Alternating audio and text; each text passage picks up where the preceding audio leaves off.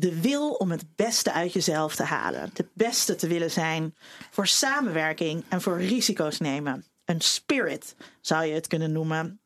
Zo omschrijft oud-premier Balkenende de VOC-mentaliteit. Een term die hij muntte en die hem op dikke kritiek kwam te staan. Laten we blij zijn met elkaar. Voorzitter, ik zal het u Optimistisch uitleggen. Laten we zeggen, Nederland kan het weer. Die VOC-mentaliteit. Over grenzen heen kijken. Dynamiek. Er volgde direct hoongelach uit de Tweede Kamer, waar hij de woorden uitsprak. De handelsgeest die Balkenende noemen, leidde immers tot uitbuiting, kolonisatie, geweld en onderdrukking. Balkenende is geen econoom. Hij studeerde geschiedenis. Hoe kon hij zo weinig historisch besef hebben? Nederland worstelt nog steeds met haar koloniaal verleden. De meeste geschiedenisboeken vertellen dat vooral vanuit het perspectief van witte Nederlanders, waarbij er makkelijk over zwarte bladzijden heen gestapt wordt. Dat geldt ook voor de media, zowel fictie als journalistiek.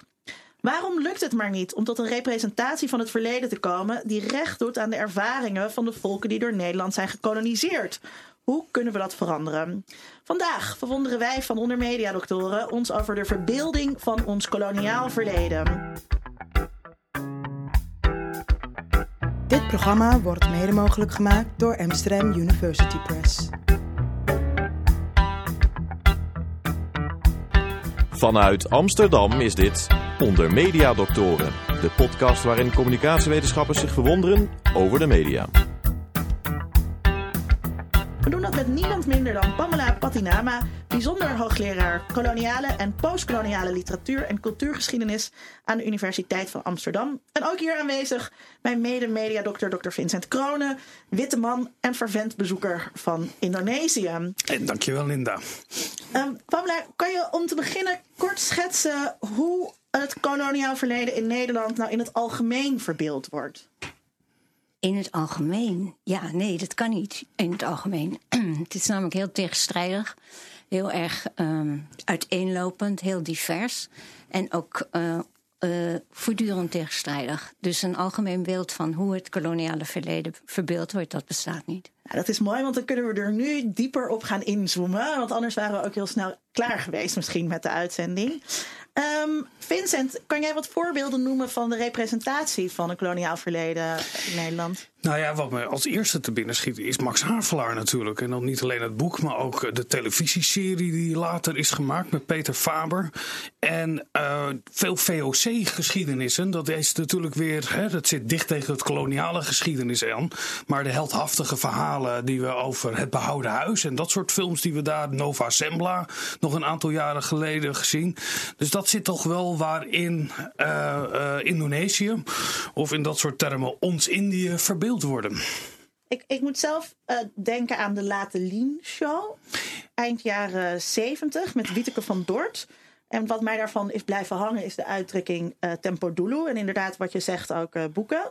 Op school leerden we vooral ook veel over de VOC, over dat kijken naar het oosten. En mijn docent geschiedenis die vertelde toen er, er wel bij dat er te weinig in onze boeken stond over de West, omdat Nederland zich daarvoor schaamde. En voordat we verder gaan praten, eh, gaan we luisteren of kijken naar een item dat onze redacteuren Tom Aalmoes en Pim Prins maakten over dat verschil tussen Oost en West. Ah, de gordel van Smaragd. Nederlands koloniale trots. Met nostalgie wordt in de Nederlandse cultuur nog teruggekeken op de tijd dat wij een wereldrijk waren. Met Nederlands-Indië als kroonjuweel. Mensen die tijdens de Tweede Wereldoorlog gevochten hebben om het te beschermen van de Japanners en de latere onafhankelijkheidsstrijders worden nog jaarlijks herdacht. De spreuk Indië verloren, rampspoed geboren zal velen nog bekend voorkomen. Scholieren komen in aanraking met dit koloniale Indië door het lezen van boeken als Max Havelaar, Oeroeg of Indische Duinen. Indonesische gerechten, of nou ja, minder pittige versies ervan, vinden zich nog steeds een weg naar onze tafels. 1 miljoen Nederlanders hebben zelfs wat Indonesisch bloed in zich. Indonesië heeft een indruk op ons gemaakt. Maar het westelijk deel van ons koloniale rijk hoeft niet te wachten op zulke sentimentaliteit. Verbeeldingen van koloniaal Suriname zijn ver te zoeken in de Nederlandse cultuur en haar onafhankelijkheid in 1975 was meer een opluchting dan een verlies. Anders dan in Indonesië werd er geen schot gelost en werkte de Nederlandse regering braaf mee. Eindelijk waren ze af van wat enkel gezien werd als een financiële last. Ook de Antillen lijkt Nederland liever kwijt dan rijk te zijn. In 2013 merkte premier Rutte op dat als de eilanden vandaag uit Nederland zouden willen, hij dat morgen voor zou regelen. In dezelfde trant pleit de oud-PVV-kamerlid Hero Brinkman ervoor om de eilanden maar te verkopen op Marktplaats. Zouden ze tenminste nog wat opleveren. Gloria Wekker, emeritus hoogleraar aan de Universiteit Utrecht, beargumenteert in haar boek Witte Onschuld dat dit verschil aan herinneringen aan de twee delen van het Nederlands Rijk verklaard kunnen worden door wat zij een geheugenscherm noemt. De positievere herinneringen die Nederlanders hebben bij de Indonesische koloniale tijd overheersen het denken aan de voormalige koloniën. Net zoals de exclusieve focus op de Holocaust het geweld van de gelijktijdige dekolonisatie van Indië naar achter dringt, drukt de herinnering aan Indonesië en het zogenaamde AIDS-beleid dat wij daar gevoerd zouden hebben, geweld, slavernij en armoede in Suriname en de Antillen weg. Zo kunnen we toch comfortabel wonen in een huis gebouwd op onderdrukking. Uh, Pamela, hoe zie jij dat verschil tussen Oost en West? Um, nou, niet zo um, zwart-wit als zij het stellen. Um, ik denk dat er een groot verschil is. Uh, inderdaad, de, West is altijd geassocieerd geweest met slavernij en dus met zwarte bladzijden, zwart-zwart. En terwijl um, India, uh, wat zij ook zeggen, uh, omgeven is door nostalgie. Maar niet alleen maar. Want um, dat hele discours over schaamte en schuld. Wat uh, hier alleen maar geassocieerd wordt met de West, is heel erg nu ook op, uh, op India en het koloniale verleden in de Oost geplakt. Dus zo uh, rigoureus tegenover elkaar staan zou ik het niet willen stellen. Ja, je hebt je boek meegenomen, Bitterzoet India. Uit 2014. En daarin stel je dat Indië een plek heeft gekregen in dat cultureel geheugen van Nederland. Kan je beschrijven hoe die plek eruit ziet? Um, ja, zoals ik, als ik even ook al zei. Het is een hele tegenstrijdige plek eigenlijk. Je kunt niet een, een, een soort algemeen beeld geven van hoe Indië er in de verbeelding uitziet.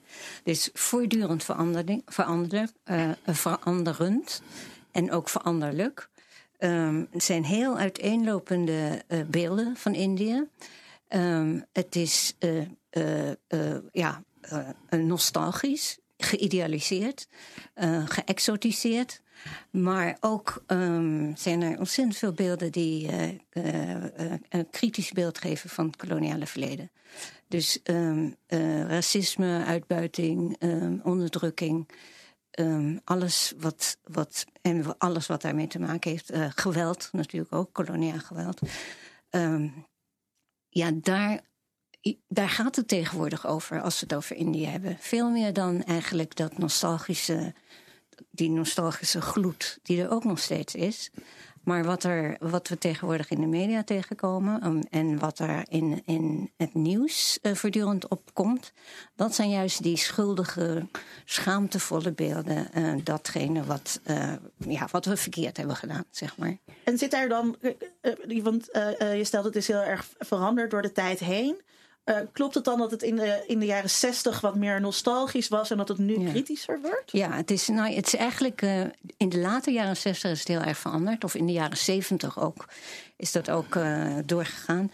In 69 kwam Joop Hutting op de televisie, het, het openbare medium van die tijd. En hij liet een bom vallen, zo ongeveer in Nederland, door te wijzen voor het eerst in zo'n openbare ruimte uh, op de geweldsmisdaden uh, en, door de, en op de geweldsexcessen van vooral de dekolonisatie, de onafhankelijkheidsoorlog, die nu nog steeds ergens politionele acties worden genoemd. Um, en nou ja, dat was eigenlijk voor het eerst dat, dat Nederlanders zichzelf als daders uh, zagen. En hoe werd er dan voorheen gesproken over die periode van dekolonisatie? Um, niet. Uh, er, werd uh, er werd over gezwegen. Um, of Indië is eigenlijk een hele tijd uh, weg, weg geweest in, het, in de publieke ruimte. Um, het is um, ja, mensen die er vandaan kwamen, zoals mijn familie, die praten daar natuurlijk over, maar meestal in huiskameratmosferen of op reunies. Maar in de publieke ruimte, in, in, de, in de politieke sferen, werd er niet over Indië gepraat. Het was gewoon gezichtsverlies. Um, was verloren, inderdaad, zoals daar stond uh, Ramsvoet geboren.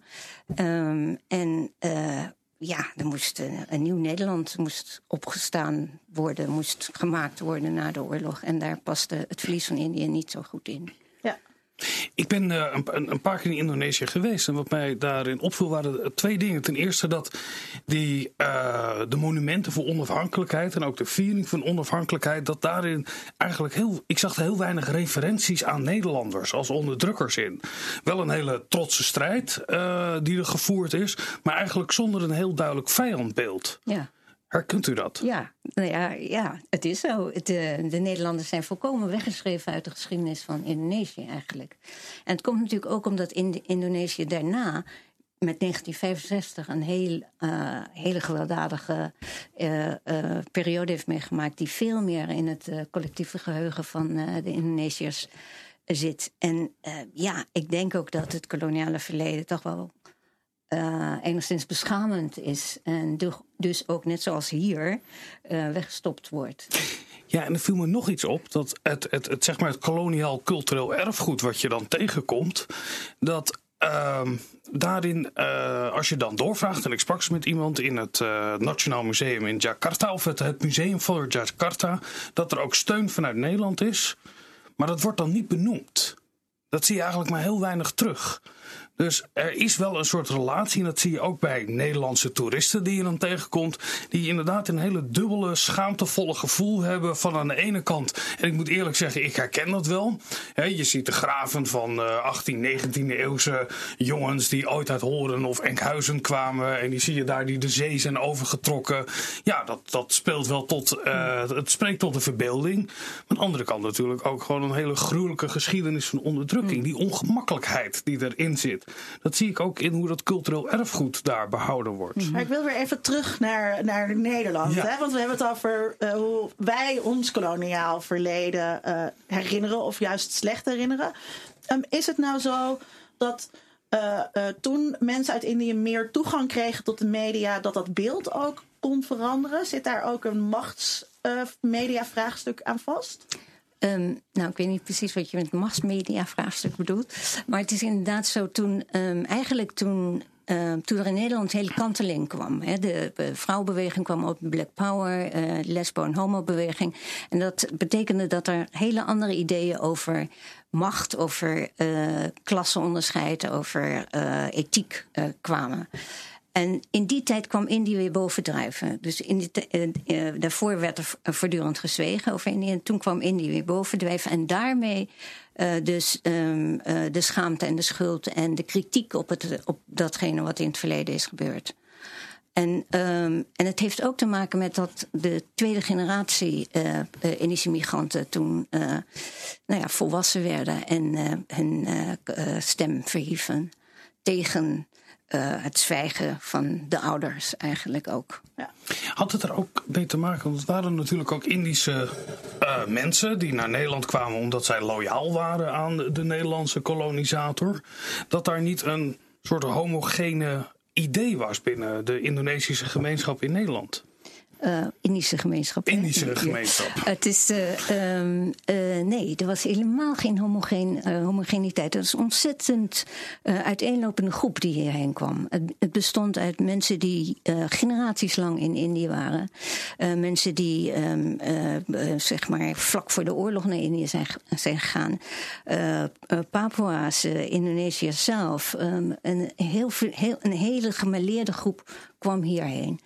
Um, het enige wat zij gemeen hadden was inderdaad het land van herkomst.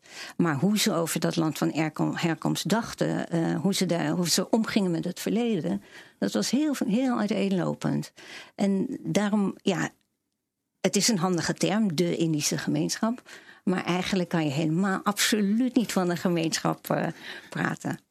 Nou, uh, wordt er door, vanuit het perspectief van de witte kolonisator vaak met een nostalgie ook teruggekeken. Met een vaak uh, misschien ook wel een soort uh, exotisme. Klopt dat?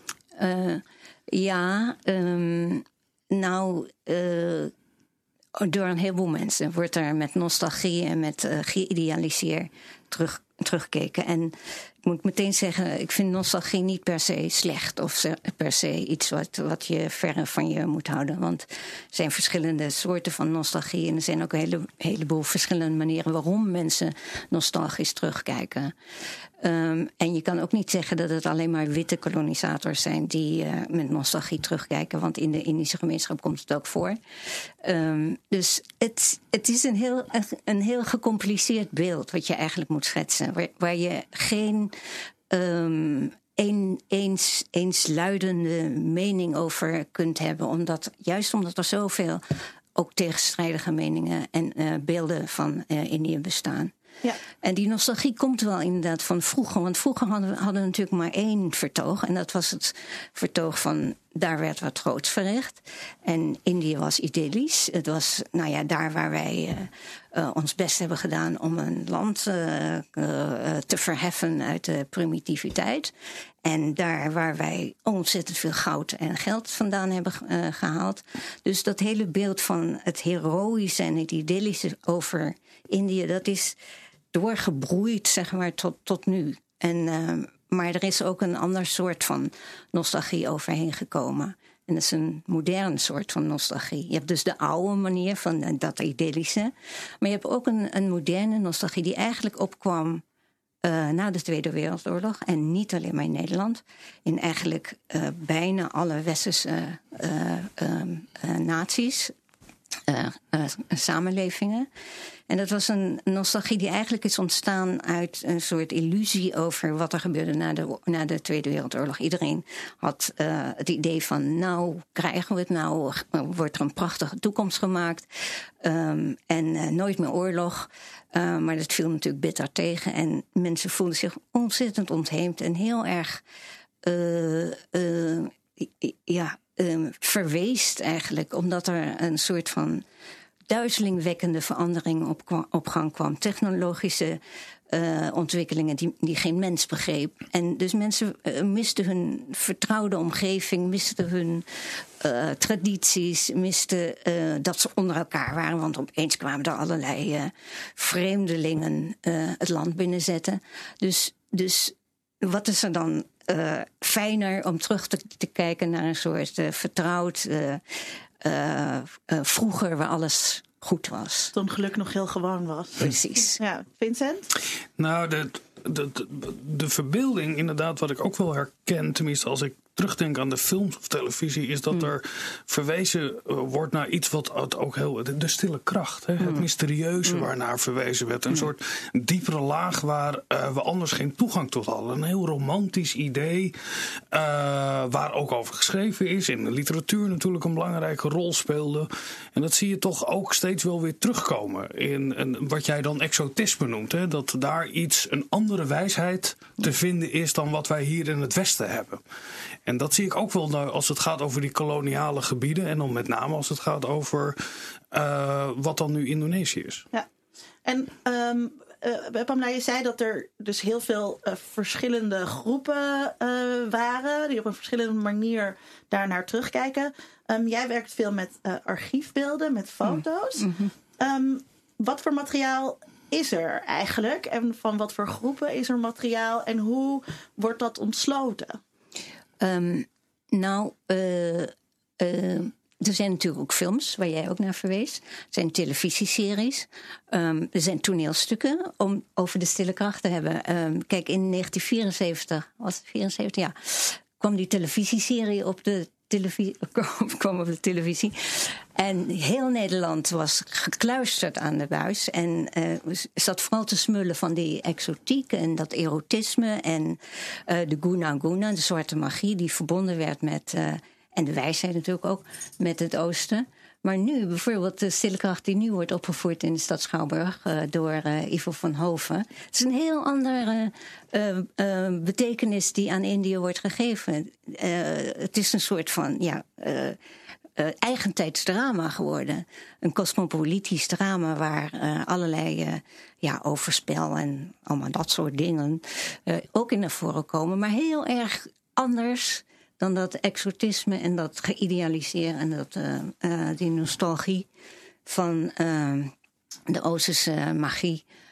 dan, ben mijn zin even kwijt. Nou ja, in ieder geval was er een. Is, er- is, 74. ja, ja, en ja. komt dat omdat de makers een andere achtergrond hebben? Ja, het komt er, eh, doordat de makers een an- andere achtergrond eh, hebben. Maar ook natuurlijk omdat de betekenis van Indië in Nederland heel erg ver- veranderd is. Door alleen al ehm, dat, ehm, dat hele nostalgische vertoog omgeslagen is eigenlijk in een schuldenvertoog. Maakt uit voor hoe wij nu omgaan met Indië.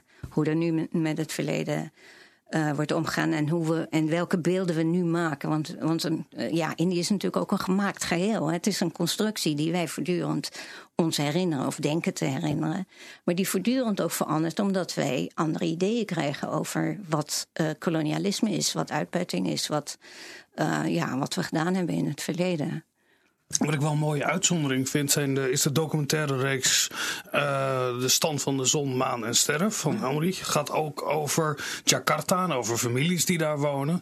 Waarin een heel hedendaags beeld wordt eh, getoond. En waarin juist dat hele alledaagse voorop staat. En wat familietwisten zijn die je misschien wel over de hele wereld zal kunnen vinden. En waarin je de gelaagdheden ziet eh, van Indonesië. En ja, wat een gigantisch land het ook is. Waarin al die verschillende etniciteiten ook nog een rol spelen. Dus er zijn wel uitzonderingen op dat exotische verhaal. Ja, ik wil toch even nog toch wat hebben over die foto's en dat materiaal, want dat is toch voor jou een belangrijke Ja, bron. Ehm, dus eh, dat lijkt me dat daar ook bepaalde eh, privileges in zitten van mensen die eh, van bepaalde alledaagse levens die meer gefotografeerd zijn dan andere alledaagse levens. Ja, nou, waar- ik, eh, waar mijn interesse vooral in ligt, is eh, zeg maar eh, familiefoto's van Indische families. Ehm, dat zijn dus foto's die gemaakt zijn in de, ja, vanaf het begin 19e eeuw, toen iedereen eh, van die Kodakjes kreeg en zichzelf ging fotograferen. En de dagelijkse omgeving, huis, tuin, keuken, uitstapjes, dat soort dingen, verjaardagen. En ehm, nou, je denkt dan, als je zo'n foto ziet, oh ja, er staan gewoon mensen op en die vieren een feestje. Maar tegelijkertijd kan je heel goed zien in die foto's hoe mensen zichzelf zien. Of, of liever hoe mensen zichzelf willen zien. Want foto's zijn ook ja, zelfrepresentaties, vooral, foto, vooral familiefoto's. Als mensen zi- zichzelf en hun familie opnemen, eh, dan. eh, ja, dan wordt er natuurlijk geen ruzies, geen echtscheidingen, geen. geen, geen Het lijkt wel hedendaags eh, social media. hè? Ja, Hoe, eh, ja, ja, ja, Hoe mensen een ideaalbeeld van zichzelf Ja, creëren. Dat is, ja. dat is onveranderd. Dat- inderdaad. Het zijn echt selfies, die, eh, die eh, familiefoto's. En dat, ja, ik vind het ontzettend interessant om te zien hoe mensen zichzelf willen, eh, wilden eh, vertonen, representeren. Want in die tijd was juist eh, dat voor Indische families eh, eh, was, eh, ja, dat was ook weer een kanteltijd. Daarvoor was Indisch zijn, gemengd zijn, eh, heel gewoon in Indië. Dat, wa- dat waren ne- 80% van de zogenaamde Europese bevolking was gemengd. Dus mensen eh, hadden alle kansen, zaten in de hoogste regionen van bestuur, van economie, van, hadden goede jobs. Maar ehm, met ehm, de eugenetica eh, en met, eh, eh, met allerlei theorieën over ras. ehm, kwam ook een, een, een, een, een soort vertoog in Indië. waarbij Indo's, of in, Indische mensen. vooral heel erg. Ja, eh, eh, als inferieur werden gezien. Niet zozeer de Indonesische bevolking, want eh, ook dat hele vertoog van de, de nobele wilde speelde eigenlijk ook nog steeds. Ehm, maar juist die vermenging werd gezien als pejoratief, werd gezien als heel negatief en als eigenlijk een, bezoedeling van, van, van het blanke ras. Dus daar hadden Indische mensen, Indische families mee te maken. En dat is zo interessant, dat ze dan op hun foto's laten zien wie ze in hun ogen zelf zijn. Helemaal niet die, eh, zeg maar, die negatieve, inferieure paupers eh, voor, waar ze voor werden uitgemaakt. Maar, eh, nou, mensen, gewoon, gewoon. Wij zijn eh, ook mensen. Zo'n zo'n soort, eh, eh, zo'n soort beeld komt, daar, komt daaruit. En eh, nou, ik vind, ik vind het ontzettend leuk om te zien dat in dat soort eh, triviale fotootjes, gewone fotootjes, dat je dat soort dingen eruit kunt halen. Nou ken ik, eh, maar dat ligt vooral ook aan mij, jouw naam vooral eh, eh, als eh, grote naam uit de tweede feministische golf. maar dat, omdat ik daar een boek over heb geschreven. Ehm, hoe, zit het, hoe zit het dan met gender? Zie je, wat voor rol waren er voor vrouwen in die, in die foto's? Um, nou, dat is ook heel interessant, want um, de gemengde bevolking, de Indische mensen, die um, zijn ontstaan uit relaties tussen de lokale vrouwen en uh, nieuwkomers, dus uh, Nederlandse mannen. die lokale vrouwen die werden, die hadden allerlei soorten van functies. Het waren slavinnen, het waren uh, um, huisbediendes, het waren nannies, uh, maar het waren ook, uh, en hoe langer hoe meer de 20e eeuw opschoof, steeds meer gewone huisvrouwen, gewone echtgenotes, alhoewel niet getrouwd.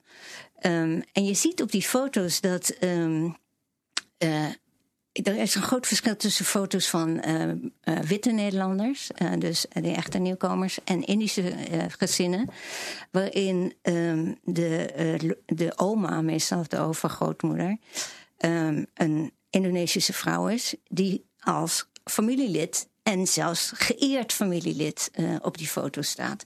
Je ziet heel veel foto's waarin mensen zo rondom een oudere Indonesische vrouw geschaard zijn en haar zeg maar, nou ja, zien als het, ja. ja. als, het, ja. als het midden, het, echt het, het centrum van de foto en van de familie. Um, nou, dat zul je nooit zien op foto's van blanke Nederlanders, witte Nederlanders. Ten eerste natuurlijk omdat ze geen oma's hebben. Maar um, dus Indonesiërs zijn er altijd bediendes of chauffeurs of schoonmaaksters. Nou, dat soort mensen. En en nou ja, dat is mij natuurlijk als feminist uit het hart gegrepen dat die Indonesische vrouwen zo'n eer, eervolle en gerespecteerde rol uh, innemen. Nog steeds op die foto's. En is dat dan ook iets wat weerspiegeld werd in uh, verbeeldingen in series bijvoorbeeld? zie je dat terug? Kan jij daar iets over zeggen? Nou, je ziet wel dat er uh, een, een, een, een verwijzing is in, in, in dat soort speelfilms. Dat inderdaad de familie- en voorouderverering als iets wat heel bijzonder en exotisch is. Wat in het Westen een, een ander soort rol speelt niet afwezig, maar dat daar een soort wijsheid in gevonden wordt. En ook zie je in de verwijzing, ik moet ook refereren aan de, de paar keer dat ik er ben geweest, is dat je dan ook uh, witte toeristen spreekt, die dan met heel veel waardering spreken over uh, uh, de Indische cultuur, waarin de grootouders nog geëerd worden. Ja. En daar een soort verlies in vinden in het Westen, dat dat daar geen plek meer heeft. Ja. Dus dat, dat, dat zie je toch wel daarin terugkomen. Hmm. Nou leerde ik op school uh, altijd dat de VOC ja, zeg maar clean was. Hè? Terwijl uh, de West-Indische compagnie aan slavenhandel uh, ja. deed. maar Pamela, je zei het net al even, het woord viel al. er was ook slavernij in de Oost. Ja, en dat is eigenlijk pas niet zo heel lang geleden kwam dat heel erg naar boven tot grote verbijstering natuurlijk van iedereen. Want inderdaad, uh, het oosten was schoon en het westen, ja, die had zich uh, vieze handen gemaakt met die slavernij. Maar um, in Indië was vanaf het begin af aan was een slavernij. Um, je ziet het ook in de verhalen, bijvoorbeeld van Maria Dermout, een van mijn lievelingsauteurs. Uh, die, begint, die, die heeft ook hele prachtige verhalen over hoe die slavernij, hoe die, uh, en dan vooral uh, slavenvrouwen, hoe die ja, daar uh, een functie in, dat hele, in die hele samenleving, die hele koloniale samenleving.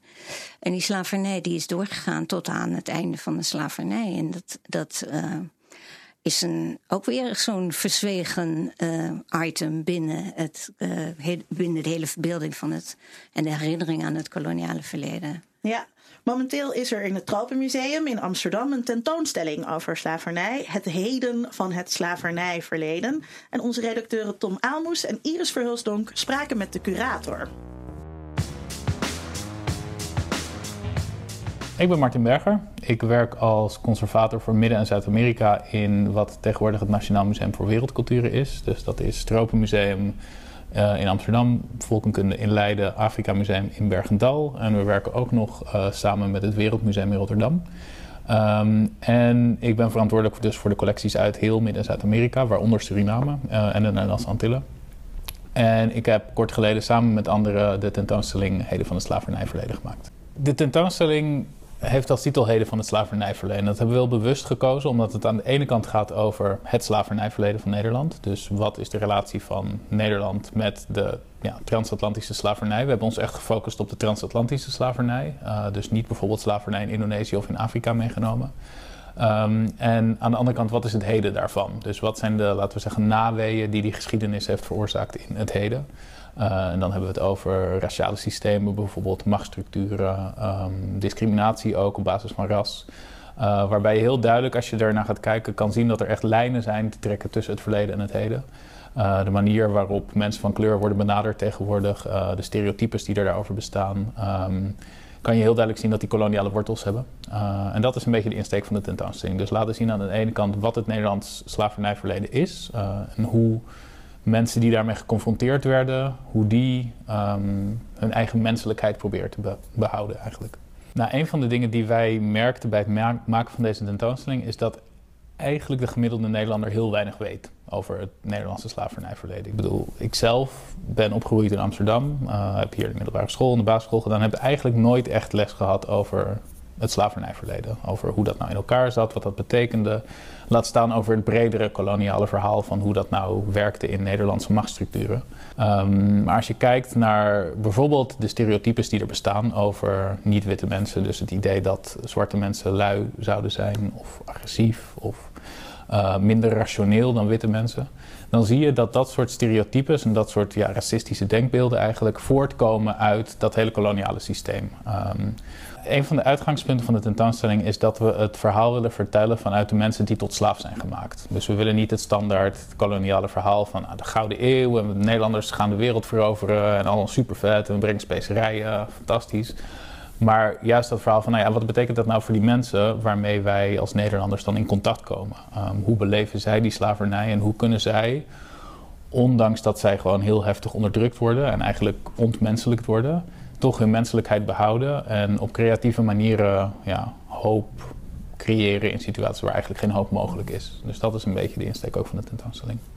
Nou, we zijn de tentoonstelling heel bewust ingegaan met het idee wij willen niet deze tentoonstelling ons eentje maken. Wij kunnen deze tentoonstelling niet in ons eentje maken, want wij hebben niet als enige dit verhaal. Dit is een verhaal wat gaat over heel veel mensen in Nederland eigenlijk. En dus dan moet je het ook samen met die mensen maken. Dus we hebben een reeks van expert meetings gedaan, waarbij we met academici, met activisten, met kunstenaars, met um, laten we zeggen onafhankelijke museumprofessionals samen hebben gewerkt die we eigenlijk hebben uitgenodigd om te zeggen: nou, wij, dit is wat wij willen presenteren, wat vinden jullie daarvan? Nou, daar kwam natuurlijk superveel kritiek uit um, en dat hebben we geprobeerd zoveel mogelijk te verwerken. Wat ik zelf heel leerzaam vond aan het proces en het feit dat we dus samenwerkten met, um, met heel veel verschillende soorten van experts.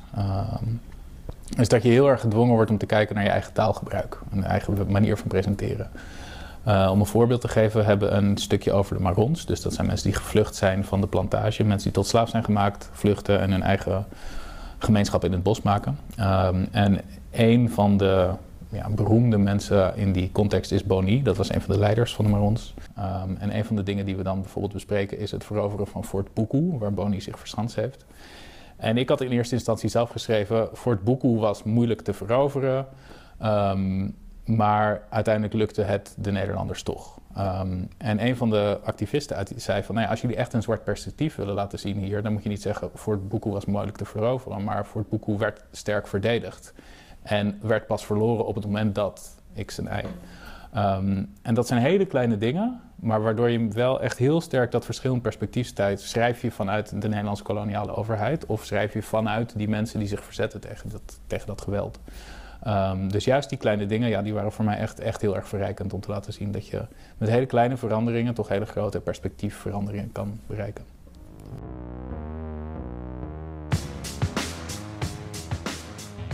Pamela, er werd heel erg gezegd uh, dat het heel belangrijk is om als je zo'n tentoonstelling opzet, als je zo'n verbeelding wilt maken, dat het uh, belangrijk is om samen te werken met activisten, uh, met betrokkenen. zie jij dat ook? Ja, zeker. Um, ik denk um, dat dat het, het, de allereerste conditie is en uh, allernoodzakelijkste. Anders krijg je onherroepelijk een wit perspectief weer, wat we al even lang doen. En ehm, eh, het is, eh, nou ja, ik vind het hartstikke goed van het Tropenmuseum dat ze van die expert, eh, expert meet- meetings hebben gehad. En dus gepraat hebben met mensen die op een andere manier, vanuit een ander zwart perspectief kijken naar, naar het verleden.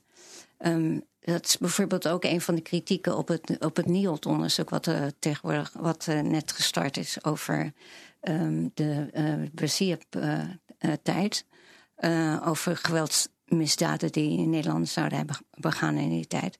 Uh, mensen hadden uh, allerlei soorten kritiek, maar een van de kritieken was: um, nou, er zit gewoon, er zit geen dialoog in, er, zit, er zitten veel te weinig Indonesiërs in, uh, waardoor je al meteen eigenlijk niet dat zwarte perspectief in het onderzoek krijgt, maar meteen alweer een eurocentrisch wit, witte visie. En nou ja, ik vind dat echt een gemiste kans ook. Ik vind het heel mooi om te zien dat zo'n tropeninstituut, een tropenmuseum nu, eigenlijk met de geschiedenis in zijn functie eigenlijk meegroeit van wat het moet zijn. Eerst was het een soort grote tentoonstelling van, hè, over onze koloniën, waarin de rijkdommen werden weggenomen, naar een plek van informatie en misschien ook wel veel meer exotistisch. Hè? Kijken hoe, hoe bijzonder het is. Nou, ook dit is een platform waarin we die discussie met elkaar gaan voeren.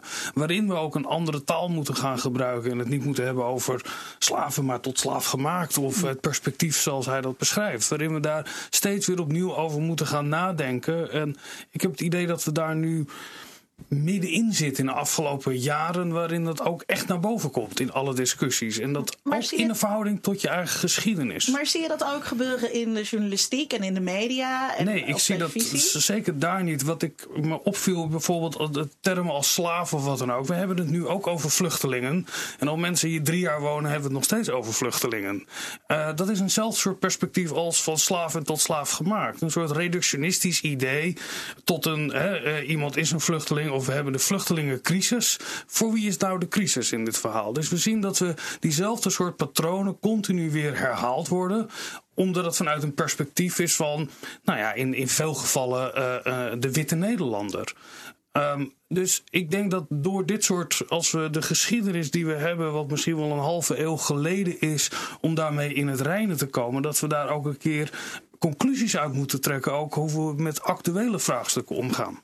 Dat je daar ook een les uit wil. Maar, maar terug naar eh, bijvoorbeeld hoe de, de manier waarop over slavernij nu gesproken wordt. Eh, Pamela, vind je dat, er, dat, er, dat, het, dat het beter gaat? Ehm, ja, het gaat beter, maar we zijn natuurlijk nog lang niet. Dit is het begin nog maar. En je ziet het aan die soort, Zwarte Piet discussie. Ik bedoel, elk jaar weer komt het op. En elk jaar weer zijn mensen ontzettend agressief... en snappen niet waarom Zwarte Pieten en not dan zijn. Ja. Nou kan ik me voorstellen als het over Indië gaat, maar dat, maar dat weet ik niet, dat ehm, eh, als je die herinnering gaat bedoezelen, tussen dikke aanhalingstekens, mensen ook het gevoel hebben dat er iets van hen afgenomen wordt, namelijk een positieve herinnering. Klopt dat? Ja, nou ja, ehm, nou ja, daarom had ik het over nostalgie even, e- even heel erg. Dat eh, nostalgie altijd voortdurend eh, in negatief licht wordt gezien. Terwijl ik denk dat mensen, ehm, nou ja, mensen eh, praten over, kunnen over hun jeugd praten, eh, zonder daarbij ehm, niet kritisch te zijn. Ehm, er is een Zuid-Afrikaan, ehm, eh, ik, ik ben even zijn voornaam kwijt, Lamini. Ja- Jacob. Jacob de Lamini heeft een boek geschreven, Native Nostalgia. En daarin eh, legt hij uit hoe eh, Zuid-Afrikanen, zwarte Zuid-Afrikanen, eh, met nostalgie terugdenken aan de tijd onder de apartheid, tijdens de apartheid. Ehm, dus in die zin ehm, eh, eh, eh, hebben ze mooie herinneringen aan een tijd die eigenlijk heel erg onderdrukkend en ja, volstrekt negatief voor hen was. Dus in, in eh, Nederland, hij is nu overleden, maar Rudy Karsbroek had precies zo'n soort van ehm, nostalgie, mooie herinneringen aan het verleden. En hij was ook, hij was ook, hij hunkerde ook echt, hij had voortdurend dat verlangen naar, naar hoe hij opgegroeid is in dat, in dat mooie, heerlijke Indië. Maar tegelijkertijd was het natuurlijk een ontzettend eh, scherpe eh, criticus van eh, hoe er over Indië werd, werd, wordt gepraat. En dat met, met, die, eh, met die hele ja, nostalgie die hij zelf ook bed- bedreef. Maar dat was een ander soort nostalgie. Eh, allemaal verschillende soorten nostalgie. We gaan kort toe naar het einde van de uitzending, waarin we altijd proberen een antwoord te formuleren op de vraag. Waarom worstelt Nederland nog met haar koloniaal verleden? Vincent, heel kort. Ik, we, we, staan nog maar aan het begin van deze vraag te beantwoorden waarom we daarmee worstelen. Er zit echt nog een hele lange generatie gaan we hierover doen. Met veel uh, strijd en pijn om hier echt mee, uh, mee verder te komen. Dit, uh, ik denk dat we nog maar echt aan een begin hiervan staan. Pamela? Ja, ik denk dat we niet alleen maar aan het begin ervan staan, maar ik denk ook dat er nooit een einde aan komt. Dat het, dat het voortdurend een discussie is en een voortdurende veranderende. Uh, uh, uh, uiteenlopende meningen over, over het koloniale verleden. En dat moet ook. En dat moet ook. Kijk eens, dat vind ik prachtige slotwoorden. U heeft geluisterd naar aflevering 63 van de podcast Onder Media Doctoren. Dank u wel daarvoor. Wij waarderen het als u ons liked op Facebook of YouTube. U vindt alle onze informatie op ondermediadoktoren.nl. Deze uitzending werd gemaakt door Tom Aalmoes, Narine Schmel, Pim Prins en Iris Verhulsdonk. Ben je student en wil je graag meewerken aan deze podcast? Meld je dan aan. De informatie staat op onze website. Dank aan mijn mede-mediadokter Dr. Vincent Kronen. En natuurlijk veel dank aan onze gastprofessor Dr. Pamela Patinama. Wij gaan met kerstvakantie. En we zijn in januari weer bij u terug. Tot Luistert jaar. u in de kerstvakantie gerust naar een van de 62 andere afleveringen in ons archief.